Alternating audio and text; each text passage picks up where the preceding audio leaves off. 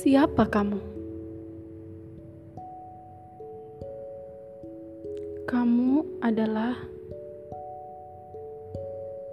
sebesar apa kemampuan kamu untuk berlapang dada memaafkan orang yang menganiaya dirimu.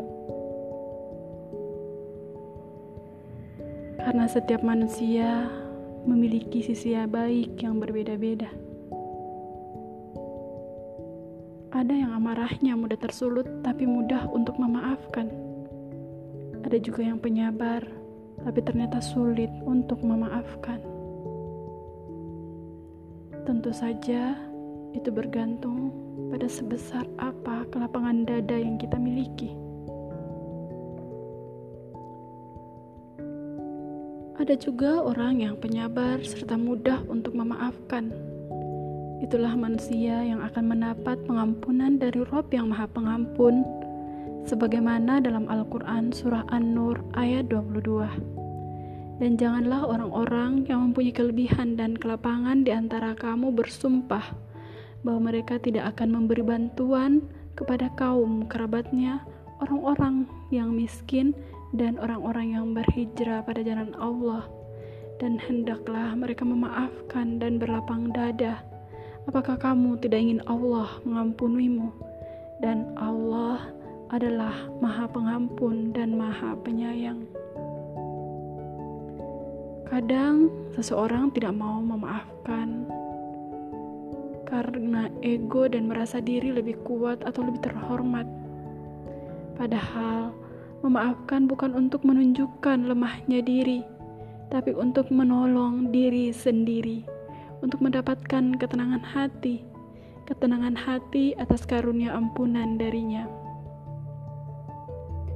Memaafkan disertai keikhlasan memang bukanlah hal yang mudah, apalagi bila sebenarnya kita punya daya untuk membalas, tapi kita memilih untuk tidak membalasnya, maka pantaslah bila surga menjadi ganjarannya.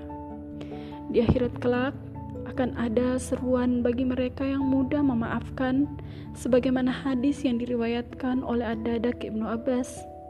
Manakah orang-orang yang mengampuni dosa sesamanya manusia? Datanglah kamu pada Tuhanmu dan terimalah pahala-pahalamu. Dan menjadi hak setiap muslim jika ia memaafkan kesalahan orang lain untuk masuk surga. Lalu bagaimana dengan hati kita? Masihkah menyimpan amarah? Mengapa tidak memilih untuk memaafkan?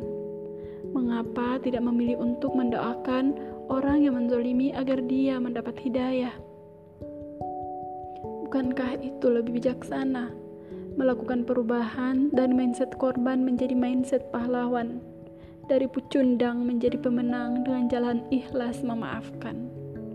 Rasulullah bersabda, Seutama-utamanya akhlak dunia dan akhirat adalah agar engkau menghubungkan tali silaturahmi dengan orang yang memutuskan silaturahmi denganmu, memberi sesuatu kepada orang yang menghalang-halangi pemberian kepadamu, serta memberi maaf kepada orang yang menganiaya dirimu.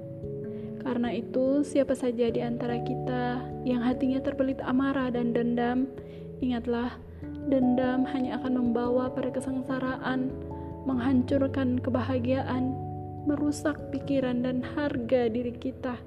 Bahkan dendam bisa menyeret kita pada panasnya api neraka.